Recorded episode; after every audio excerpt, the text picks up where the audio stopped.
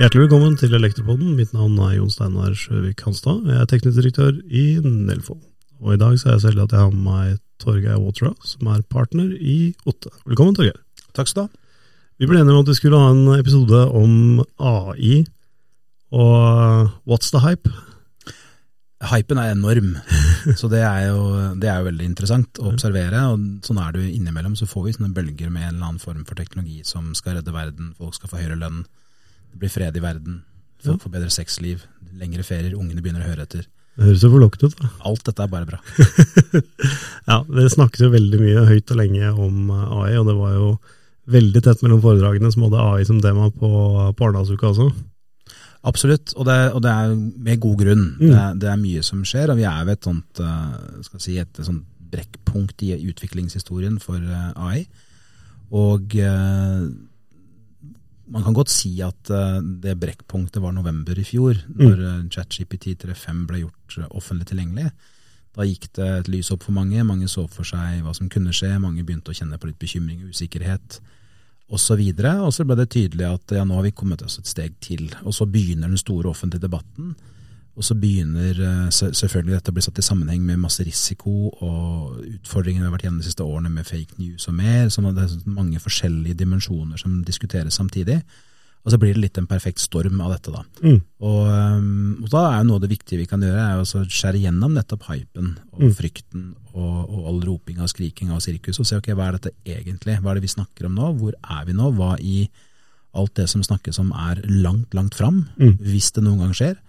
Hva er det som foregår rundt oss akkurat nå? Mm. Hva er det som er relevant for en politiker, for en bedriftsleder, for en student, for en lege, for en pasient osv. Så, videre, og så, videre.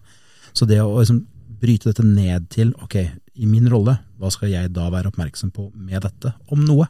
Ja, ikke sant. Hva, hvordan kan man, bør man rigge for det, og hvordan bør man, kan man ta tak i dette? her?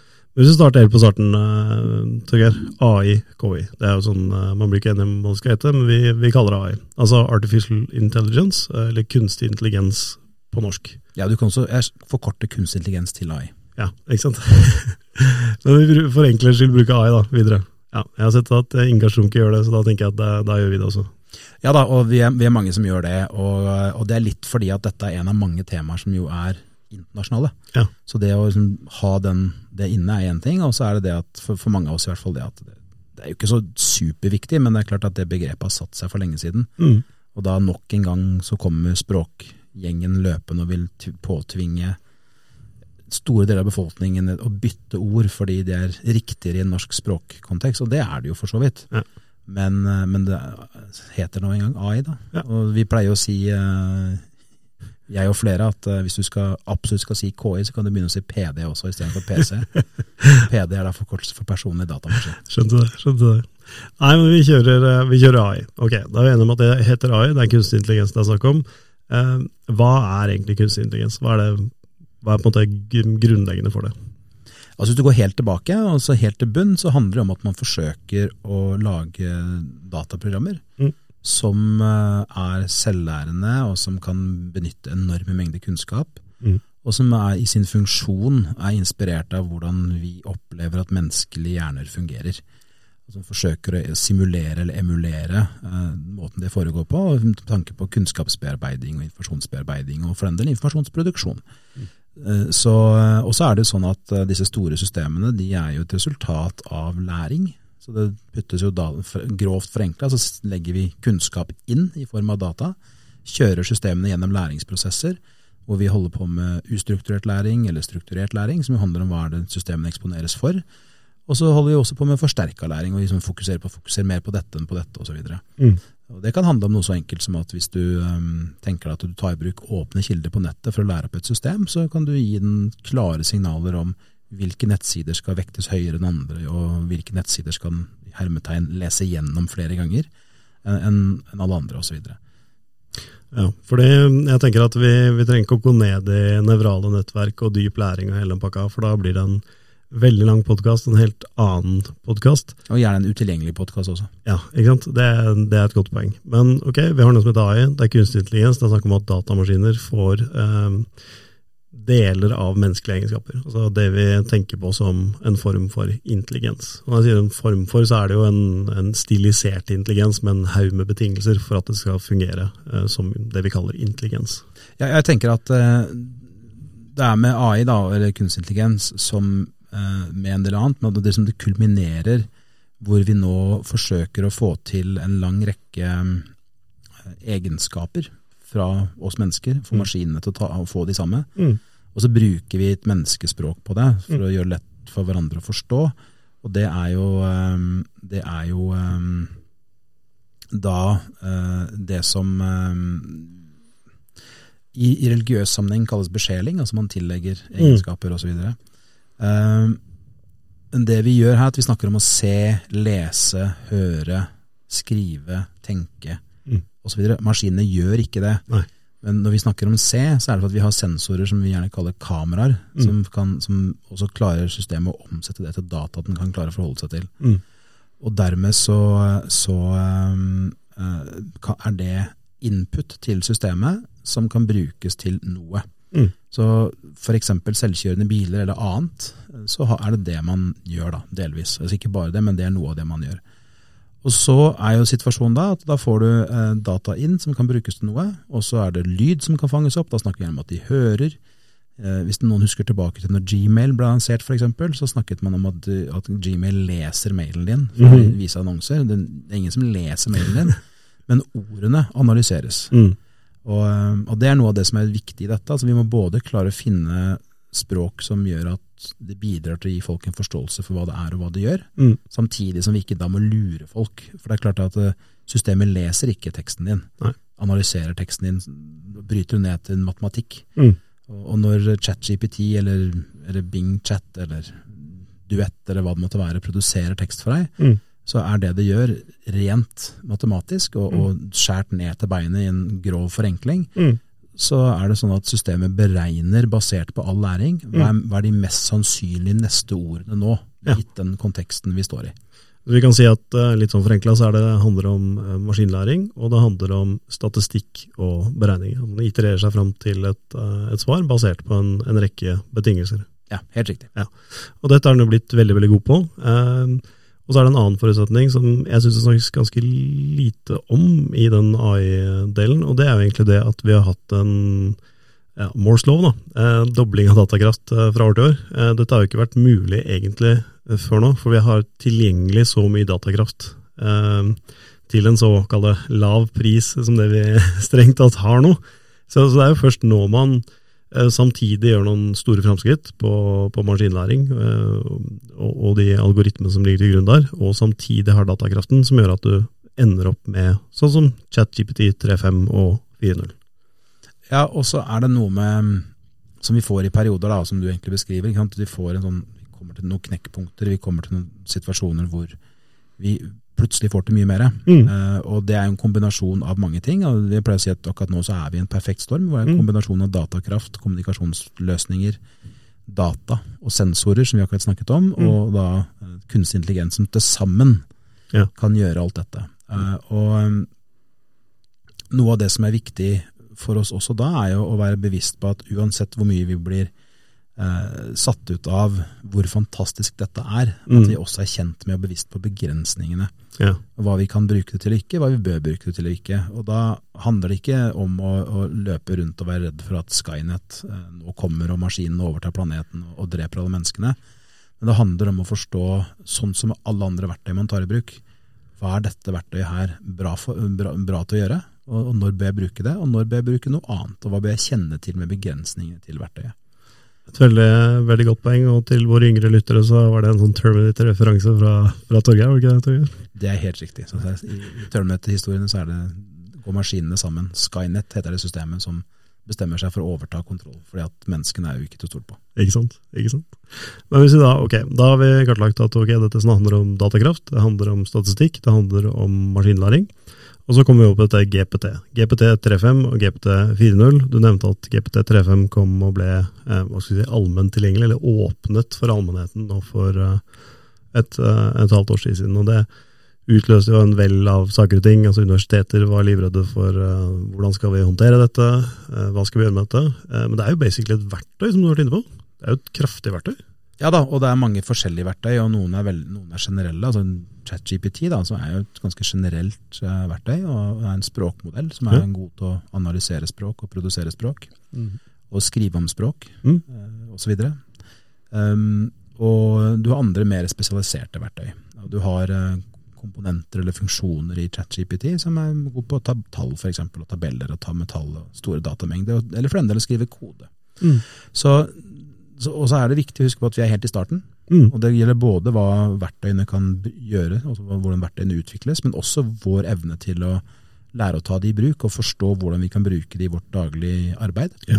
Vi ser at uh, ganske mange utviklere bruker jo den type verktøy for støtte i kodeskriving. Ja.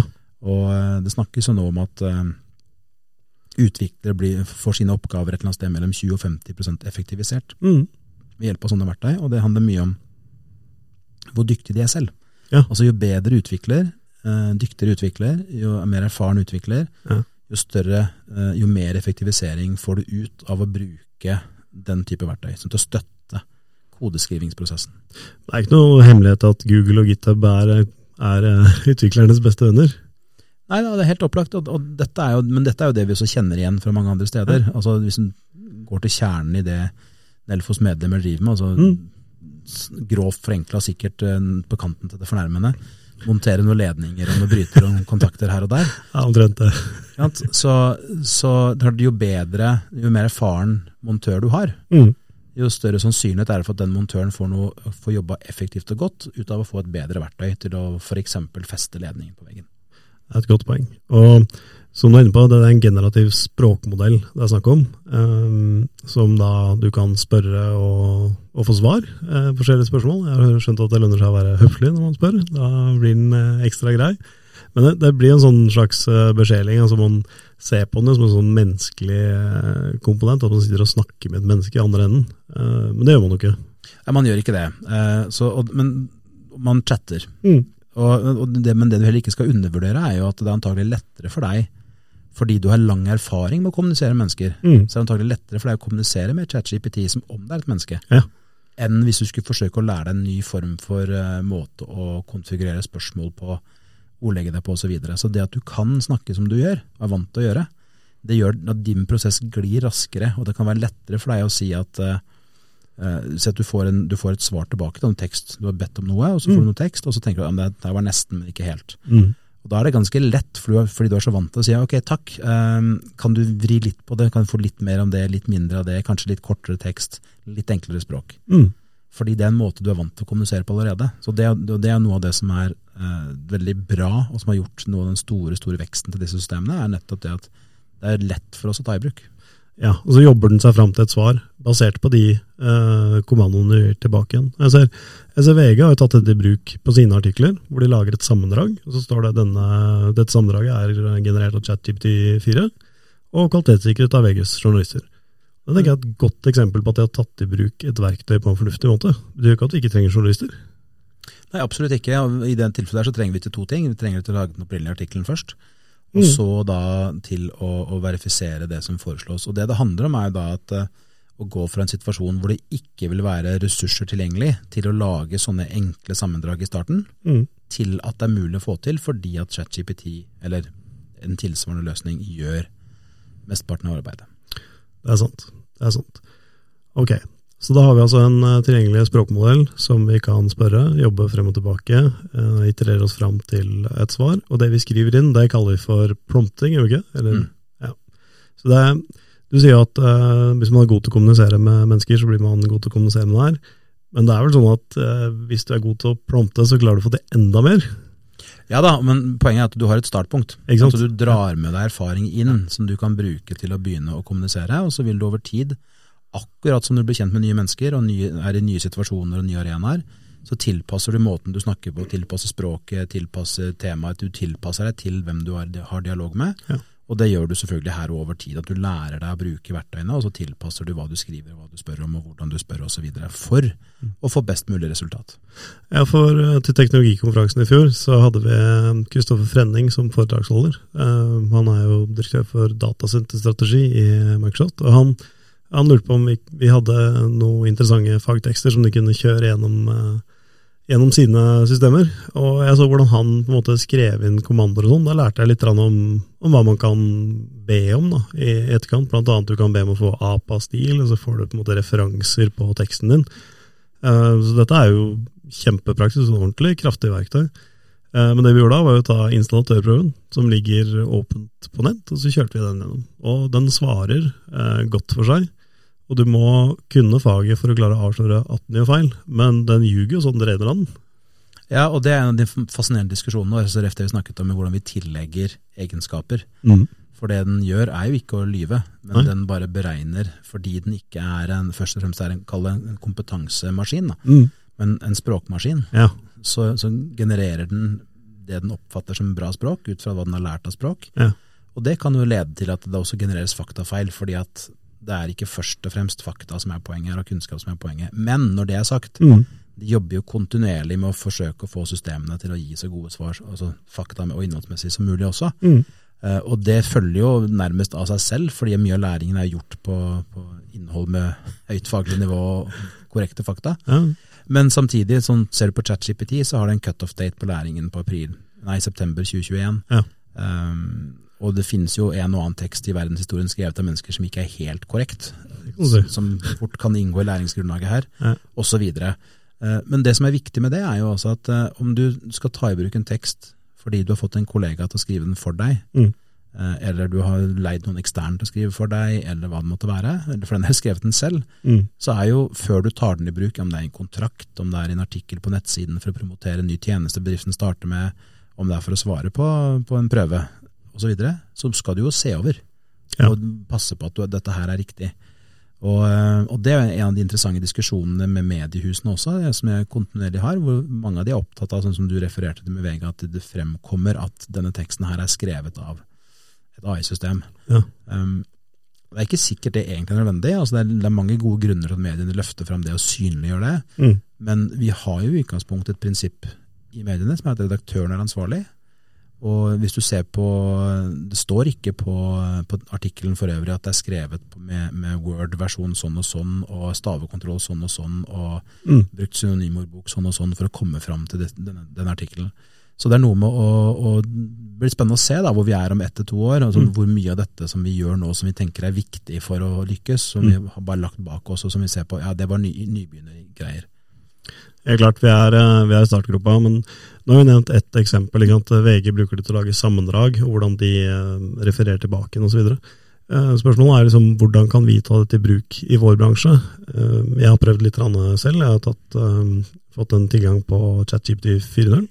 Så jeg har laget noen fagtekster og litt faglig innhold med gode referanser, og egentlig fått det til å fungere ganske bra. Og så har jeg prøvd litt forskjellig kode. Jeg har lagt inn feil i koden. Jeg har fått tilbakemelding på at det er feil syntaks her og her. Gir deg det og det eh, tilbakesvaret eh, på disse tingene. Så det er jo mange deler av det. Du har ChatGPT som språkmodellen, og så har du den som heter Code Interpreter, som er en sånn beta-versjon, og så har du en sånn bilde, bildesak, bare for å nevne noen sånne eksempler som, som ligger der. Mm. Og så er spørsmålet hvordan tar vi dette verktøyet i bruk, da? Praktisk bruk? Jeg tenker at først og fremst nå så kan de som syns dette er spennende, de kan jo prøve seg litt fram. Og, se, og, ja, og så bare se hvordan fungerer dette inn mot det som jeg driver med i det daglige. Hva, mm. hva i mitt arbeid er det som kan, hvor jeg kan få hjelp? Ja. På samme måte som man kan få hjelp av stavekontroll i tekstbehandlingsprogrammet man bruker. Så, ja. så, så, så, det handler delvis om det. Også, og det er jo en del styrer for eksempel, som har verktøy som for å lette styrearbeidet, hvor mm. man nå har eh, fått eh, språkmodeller som dette inn i verktøy for å hjelpe til å skrive vedtak og formulere. Mm. Man kan se for seg kode av forskjellige smarthussystemer som du kan kjøre gjennom Code Interpreter, som du sa nå. Mm. Da er det så viktig at man er bevisst på er dette en åpen modell, hvor jeg legger igjen det jeg putter inn, blir liggende igjen, eller er det en lukka modell, sånn som e-postkontoen min er, hvor det bare forblir i mitt univers. Det du tar opp der, det må vi snakke om. Fordi eh, det er en sånn forutsetning før vi går videre på disse praktiske tingene. Og det er jo hva man legger inn der. Hva skjer med det? Når jeg tar, hvis jeg tar en tekst som jeg har skrevet, eller en bok jeg har skrevet, og legger hele smalaen inn i ChatGPT-verktøyet, har jeg liksom gitt fra meg alt innholdet? Ligger det der for all evighet? Nei, det er sånn, nå For å svare litt generelt. Ja. Det, er, det er to hovedmodeller her. Det ene er det vi kaller public, og det andre er da private. Mm. Ikke noe stor overraskelse. Ja. Men uh, i public-modellene Mm. så er det sånn at uh, det du putter inn, det kan inngå i lærings... Litt avhengig av vilkårene for hver enkelt tjeneste. Kan inngå Mm. i læringen tjenesten har, det kan inngå i det de, de, det de måtte utvikle tjenesten sin på toppen av. Ja. Veldig sjelden jeg, sliter med å se for meg en modell hvor noen også skulle tilgjengeliggjøre teksten for tredjepart igjen. Så Ja, det er ikke der vi er, men at det kan inngå i det grunnlaget. Altså, det er ikke så lenge siden en av de store altså videokonferanseleverandørene annonserte at de skulle bruke alle møter på videoplattformen til at systemet skulle lære på. Mm. Det ble det selvfølgelig mye bråk av, og de har gått bort fra det. Ja, Um, ikke greit. ikke sant. Um, og eh, så har du, men det er da public. Mm. Og så har du private, eh, og da er det jo inne i Da er det som jeg sa, det er som inne på din mailkonto. Mm. Så selv om du har en mailkonto som ligger på en serverstack og i datasenter, enten det er Microsoft eller Google eller Oracle eller hvem det er som leverer, Mm. Så er likevel dataene inne i din konto og er ikke tilgjengelig i systemet for øvrig. Og, og, og det kommer vi til å se mer og mer fremover, at du har kapasiteten og kraften til AI-systemene, men i en privat konto, sånn at det er tilgjengelig for deg og kun for deg. Og, og når det snakkes om at man ikke må bruke AI-systemer til sånn og sånn, og sånn, så Mm. handler det egentlig grunnleggende sett om det. Hvem har Ja. kontroll på dataene? På samme måte som, som alt mulig. at Vi har jo snakket mye om IT-sikkerhet, Mm. og hvor vi er opptatt av at uh, i, når man gjør arbeidet sitt i en bedrift, Mm. Så skal man lagre filer i et verktøy som er bedriften sitt verktøy, som gjør at bedriften har tilgang og kontroll som bedriften trenger å ha, og ikke i din private Dropbox-konto eller på din private harddisk eller hva det måtte være. Og Det er egentlig samme logikken her da, med, med kunstig intelligens. Ja, Et annet eksempel er jo de som legger inn tekster, kontrakter og sånn i Google Translate. Det er ingen kontrakt, ikke sant? hemmelig kontrakt, og så legger de det inn der og oversetter. Da har du egentlig sendt fra deg, eller kan risikere å sendt fra deg informasjon som du ikke skal dele med andre. Ja, og Det er jo flere nivåer der. Det ene er at du har allerede delt med en tredjepart som du ikke skal. Ikke sant? Og Så er er det ikke sikkert det har noen negativ konsekvens, eller noen merker det. Nei. Men du har likevel gjort det. Ja. Og så er det alle stegene som kan komme på toppen, som jo handler om alt som kan skjære seg. Ja, så Det handler om rett og slett, eh, når man skal begynne å leke med det, så vurder innholdet. Og hvis du skal drive med innhold som er noe du ønsker å beholde, så sørg for å ha en sånn private mode på det, sånn at du ikke eh, får det ut. Eller en sandbox-versjon som gjør at du ikke slipper noe ut. da. Helt riktig. Og så kan du godt si at hvis det er en, hvis det er en eh, informasjonstekst om, om, nett, om bedriften din som du har på nettsiden din, Ja, eh, hvis det står som du har eh, tre-fire avsnitt om bedriftens historie som Ja. ligger ute offentlig, så selvfølgelig har det ikke noe å si om det inngår i læringsgrunnlaget for en eller annen løsning. mm. Eh, Men som du sier, vær bevisst på hva du, hva du tar i bruk, vær bevisst på hvilke tekster du tar i bruk, og hvis du har en avtale da, som jo er kanskje basert på en standardavtale, og som du skal oversette fra engelsk til norsk eller motsatt, så kan du jo ta den teksten som ikke er den sensitive delen. Altså du kan ta ut navn, du kan ta ut produkter, du kan og så videre, så kan du få oversatt, og så kan du putte inn det andre etterpå igjen. ikke sant? Så det er noe med å finne løsninger. Mm. Ikke sant? Så, så, så, men, men her er det mye man kan gjøre. Og så, som jeg sa, vi er helt i starten. Vi kommer til å se veldig veldig mye fremover. Mm. Dette er kanskje siden vi da, siden dine medlemmer er bl.a. elektromontørbedrifter. da, Ja. så, så kan vi jo tenke at dette er litt som den første ledningen og første lyspæra som noen hadde hengende et eller annet i, i det viktigste rommet i huset sitt. Og så herfra og fremover. Ja, det er et godt poeng. Vi er startgruppa. Eh, men jeg ser, absolutt noen, eh, noen fordeler for vår bransje, for å dra det inn til, til eh, elektrobransjen. Det ene er jo selvfølgelig sånn helt enkelt og greit, litt, uh, spille litt videre på det du eh, sa nå om hjemmesider. Hvis du tar teksten på hjemmesidene gjennom en Bing-variant, så kan du be dem lage en morsom tekst, eller en eh, hyggelig tekst, eller altså Du setter sånne attributter på teksten for å få en annen type tekst ut i andre enden. Så hvis du ikke er veldig kreativ på tekst på hjemmesidene og driver et uh, mindre foretak, så er det en sånn helt enkel og grei måte å, å bruke AI-teknologi på. Eller, Ja. Eller man kan gjøre noe veldig konkret som antagelig er en utfordring for veldig mange av Nelfos medlemmer. altså Hvordan forklarer vi denne, dette smarthusproduktet Ja. til, eh, til kanskje den eldste delen av befolkningen, som, Ja. får, som kjøper, flytter inn i en ny leilighet hvor dette er montert. Ja. Da kan du jo putte teksten inn og kan si at uh, forklar dette så det er forståelig for alle. Da kan du ta inn bruksanvisninga, og skrive kan du lage en tekst uh, som eh, en 80 år gammel dame skal lese og forstå. Ja, eller mann. Eller mann. Ja, selvfølgelig. Det er kjønnsuavhengig. Ja. Men det er jo en måte, for da, da setter du jo noen forutsetninger for den teksten du skal ha ut igjen. Så Mm. det å lage en bruksanvisning, det, det er et godt forslag. Ja, og da er det noe her med å tenke igjen, sånn som vi gjør i det daglige. Ok, Det er noen oppgaver jeg trenger hjelp til. Det er noen Mm. oppgaver som jeg, som jeg kan bli bedre på, og det er noen oppgaver som, som jeg ikke trenger hjelp til. Mm. Og, og hvor er de, hva er de, og hvordan kan du da prøve frem? Og så må man gjøre seg erfaringer. Mm. Så Man kan ikke forvente å bare sitte og se på skjermen og, si, og skrive 'jeg trenger en bra tekst', og så kommer det ut automagisk ut av systemet. Men, så du må bidra, det er en samhandlingsprosess. Men det er klart over tid så blir både du bedre, og så blir, og så blir systemene utvikla videre og blir også gjennom det bedre. Ja, det er veldig sant. Det er veldig sant. Uh, code interpreter, den kodedelen. Der kan du få kommentert ut kode. Det syns jeg er veldig kult. Jeg la inn bare sånn helt enkel Arduino-kode. Eh, for de av dere som ikke vet hva Arduino er, så er det et sånn lite um, utviklingsbrett som er laget av et italiensk eh, selskap som heter eh, Arduino. Så er det mange forskjellige varianter av det. Og det bruker en sånn enkel form for C-kode eh, for å programmere en, eh, en mikroprosessor, rett og slett. Og det brukes en del i, en del i skoleverket. Så la jeg bare inn en enkel kode her, på, og ba om å få forklare Kan du kommentere ut koden eh, på norsk, da?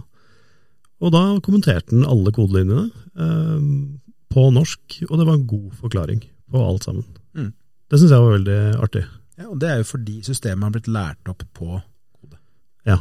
Og kan da forstå koden, eller analysere den. og forstå noe etter. Nå gjør jeg også jeg dette som jeg snakket med, at vi bruker, vi bruker ord som vi er vant til å bruke på hverandre, for at vi skal lettere forstå hva vi forsøker å si om hva maskinen kan gjøre. Ja.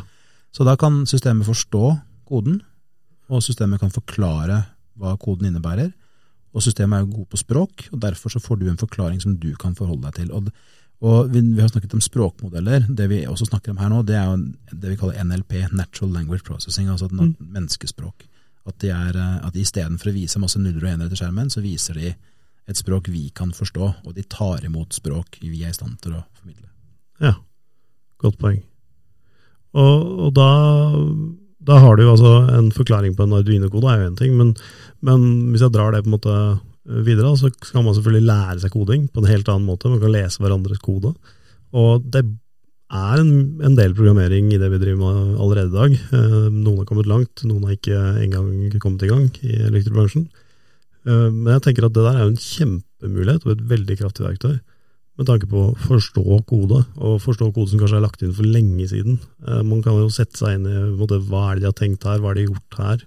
Eh, Jeg prøvde også å få den til å debugge, jeg lagde, lagde noe feil, altså til å feilrette. Det er han jo helt superflink til, kjempebra. Så fikk jeg til og med forslag til hva jeg kunne gjøre bedre. Ja, og, og igjen da, dette er jo fordi det du egentlig sitter og bruker, det er et system som har eh, tilgang på kompetanse om det du prøver å gjøre. Mm. Så systemet kan, være, kan gi deg god respons, kan, kan analysere feil i koden, kan foreslå forbedringer og kan kommunisere med deg om hva som foregår.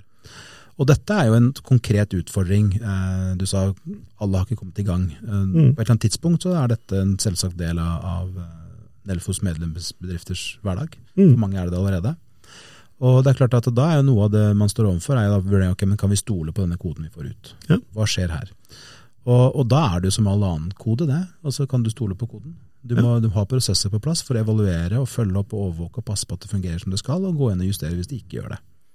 Og så må man være bevisst på, igjen på brukervilkårene på de tjenestene man tar i bruk. Mm. Eh, Noen tjenester er eksplisitte på, at, eh, sånn som ChatGPT eksempel, og mange flere for den del, altså, eh, at det du får ut på skjermen fordi du prompter systemet, ja, det er din tekst, det er ditt arbeid. Om det er kode, eller om det er en tabell med noe, eller om det er et bilde, eller det er språk, eller hva det måtte være. Det er sant. Så dette er et verktøy man rett og slett må lære seg å bruke og kjenne forutsetningene for. Nå snakker vi om generativ AI, altså språkmodeller. Ja da, og, og hvor språk er en ikke sant? Det er Ja. bilde, og det er lyd, og det er video, og det er uh, kode, og det er osv. Og da er jo også noe av, noe av det som ligger i dette, uh, og det vil variere fra sektor til sektor, og hvilket stor, stort eller lite marked man er i osv. Mm. Det er klart at uh, i utgangspunktet så er det ingen som må bruke dette for å gjøre jobben sin på en bra måte. Nei. Men hvis kundene forventer det, Mm. hvis konkurrentene gjør det, og effektiviseringsgraden er et eller annet sted mellom 30 og 50% på å skrive kode akkurat i dag, Så er det klart du kommer til å merke det i ditt marked og mot dine kunder og mot dine konkurrenter hvis du velger å ikke gjøre det. Mm. Og hvis du skal være veldig, veldig banal, så kan man jo si at eh, du må jo ikke skifte fra hestedrosje til bensindrevet drosje, selv om de andre drosjeselskapene gjør det. Ja. Men du kommer til å legge merke til på en ikke så positiv måte at du ikke har gjort skifte. Noen som har kjørt forbi deg venstrefila i rimelig høy, høy hastighet. Ja, det trenger ikke være høy engang, det er bare høyere. Ja, det bare høyere. Det er sant. Det er sant. Jeg, jeg syns det er gøy å, å, å bruke det, ikke, ikke bare for, for, gøy, men se det måte opp mot uh, det vi driver med i bransjen. Du har, nevnt uh, hjemmesider, nevnt koding, uh, men også opp mot formelverk. altså Det å kunne bruke den til å beregne ting. jeg spurte den om sløyfeimpedans med tanke på kortslutningsberegninger, og fikk ut en veldig god forklaring på norsk. Jeg vet jo hvordan man gjør det, men det var jo veldig effektivt å få ut den modellen. Den kan jeg bruke videre, og så kan jeg skrive den om litt, og så kan vi lage noe på det. da. Eh, så sånn i opplæring av ja, lærlinger og andre, da, så kan man jo også bruke, bruke, den som en kilde til å forklare ting, og også legge inn forskjellige eh, beregninger frem og tilbake og lage forslag på det. Ja, og da må man, som vi var inne på i sted, på samme måte som hvis du får forslag av en kollega eller en hvem som helst, om du har funnet forslag i en avisartikkel eller hva det måtte være, så må du passe på at du verifiserer. Mm. gjøre de kontrollene du må for å passe på at dette er noe du kan bruke, og at det fungerer for den oppgaven du skal løse. Og, eh, og det er klart at eh, i dette så kan man også se for seg at eh, ja, men trenger man ikke folk som har den rette utdanningen osv. Jo, mm. det trenger vi likevel. Men de har bare fått et verktøy til å hjelpe seg til å gjøre arbeidsdagen mer effektiv, eh, kanskje mer spennende, eh, mer utfordrende. Eh, og, og, da er man i en situasjon hvor det man skal gjøre, er å forstå hvordan dette kan hjelpe oss, og forstå hvordan man kan ta det i bruk i praksis, mm. til hvilke oppgaver, når og hvem, osv egentlig helt likt det man gjør hver dag ellers. Ja. Men det er bare at det er på et nytt felt og i møte med nye verktøy, så det kan virke annerledes og kan virke fjernt. Men det er, ikke, det er ikke noe særlig annerledes enn det egentlig, sånn, sånn overordna. Men sånn, når man begynner å gå ned i verktøyet, så er det selvfølgelig noe helt annet. Mm. For det handler om å forstå hva det er godt på hva det er dårlig på. Og så er det en dimensjon her som er viktig også. Det er at uh, det at f.eks. ChatGPT eller Bing Chat eller Duett eller hvem det måtte være av verktøy, mm. er gode på generell tekst, så betyr det ikke at de nødvendigvis er gode på den spesialteksten som du kanskje skal skrive. Nei, fagtekst. Så uh, ja, ikke sant? Så, så, da handler det om det, og så handler det om å forstå også kultur og tradisjoner. Eh, hvis du tar et sånn sidesprang, da eh, så Jeg har jo innimellom så tester jeg disse systemene og utfordrer litt. Og For ikke så lenge siden så spurte jeg ChatGPT om de var god til å skrive erotiske tekster. Mm. Og da fikk jeg et ganske langt, eh, tydelig, velformulert, planlagt svar hvor det fremkom at eh, nei, det drev ikke ChatGPT med, for det var innhold som ikke egna seg for alle aldersgrupper. Og så kom det en sånn utdyping av det. Um, og, og, det er jo fordi at dette systemet er skrevet og, og konfigurert og lært opp, og algoritmene er der osv. for å passe i kristenkonservative Disney i USA. Mm. Mens uh, her har vi helt andre perspektiver. Mm. Um, og det er ganske fascinerende da, å se linken mellom 'kan ikke skrive en erotisk tekst, for det passer ikke for alle aldersgrupper', mm. opp mot all den voldsteksten den f.eks. skrev uten å nøle. Ja. Som heller ikke passer for alle aldersgrupper. Eh, så, eh, så, så og, I dette ligger det mye kultur og tradisjon og historie. Så hvis man ser for seg f.eks. beskrivende tekster da, som, mm. eh, av et eh, elanlegg som skal inngå i dokumentasjonen, mm hvor du kan gi den f.eks. alle komponentene som har vært tatt i bruk, og noen kapasiteter, og hva det måtte være som er relevant at du, disse faktaene her skal inn i. Mm. Kan du nå skrive eh, dokumentasjonen for dette, så kan du jo risikere å få ut dokumentasjon som anses som god, basert på hva, hvilke tekster den har lært på. Ja. Men som ikke nødvendigvis matcher f.eks. Eh, en bedriftsintern policy på hvordan man skriver, eller forventninger i mm. det norske markedet osv. Mm. Så, så, det er også noe, en del av dette, og, men som selvfølgelig vil, over tid vil læring gjøre at det blir bedre og bedre og bedre. Mm. Hvis, hvis, det blir brukt riktig, vil jeg merke. Da. Men man må være bevisst på nettopp det. Så Da kan vi si eh, litt forkorta at vi har fått et nytt verktøy i verktøykassa.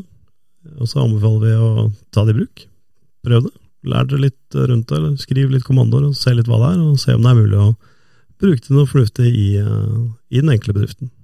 Ja, og være bevisst på hvilke verktøy man prøver ut til hva. Ja. Og, og, Særlig hvis man da skal begynne å ta i bruk i bedriften. Og så Husk på da at, eh, at, eh, det er som før. Alt av regler gjelder. Har, det er ikke noe annerledes krav til å ta vare på dokumentasjon. Det er ikke noe annerledes eh, regulering som skal hvor du må ha fulgt lovverket for å få lov til å bruke personopplysninger til et eller annet. Mm. Det er ikke plutselig blitt lov å svindle folk, selv om vi ikke har en egen Det er forbudt å svindle med AI-lov osv. Mm. De samme tingene gjelder uansett. Vi har et regelverk, og så har vi fått et nytt verktøy. Helt riktig. Ta det i bruk. Det også. Og det så runder vi av for i dag. Tusen takk eh, for praten, Torgeir. Takk skal du ha. Ha det bra.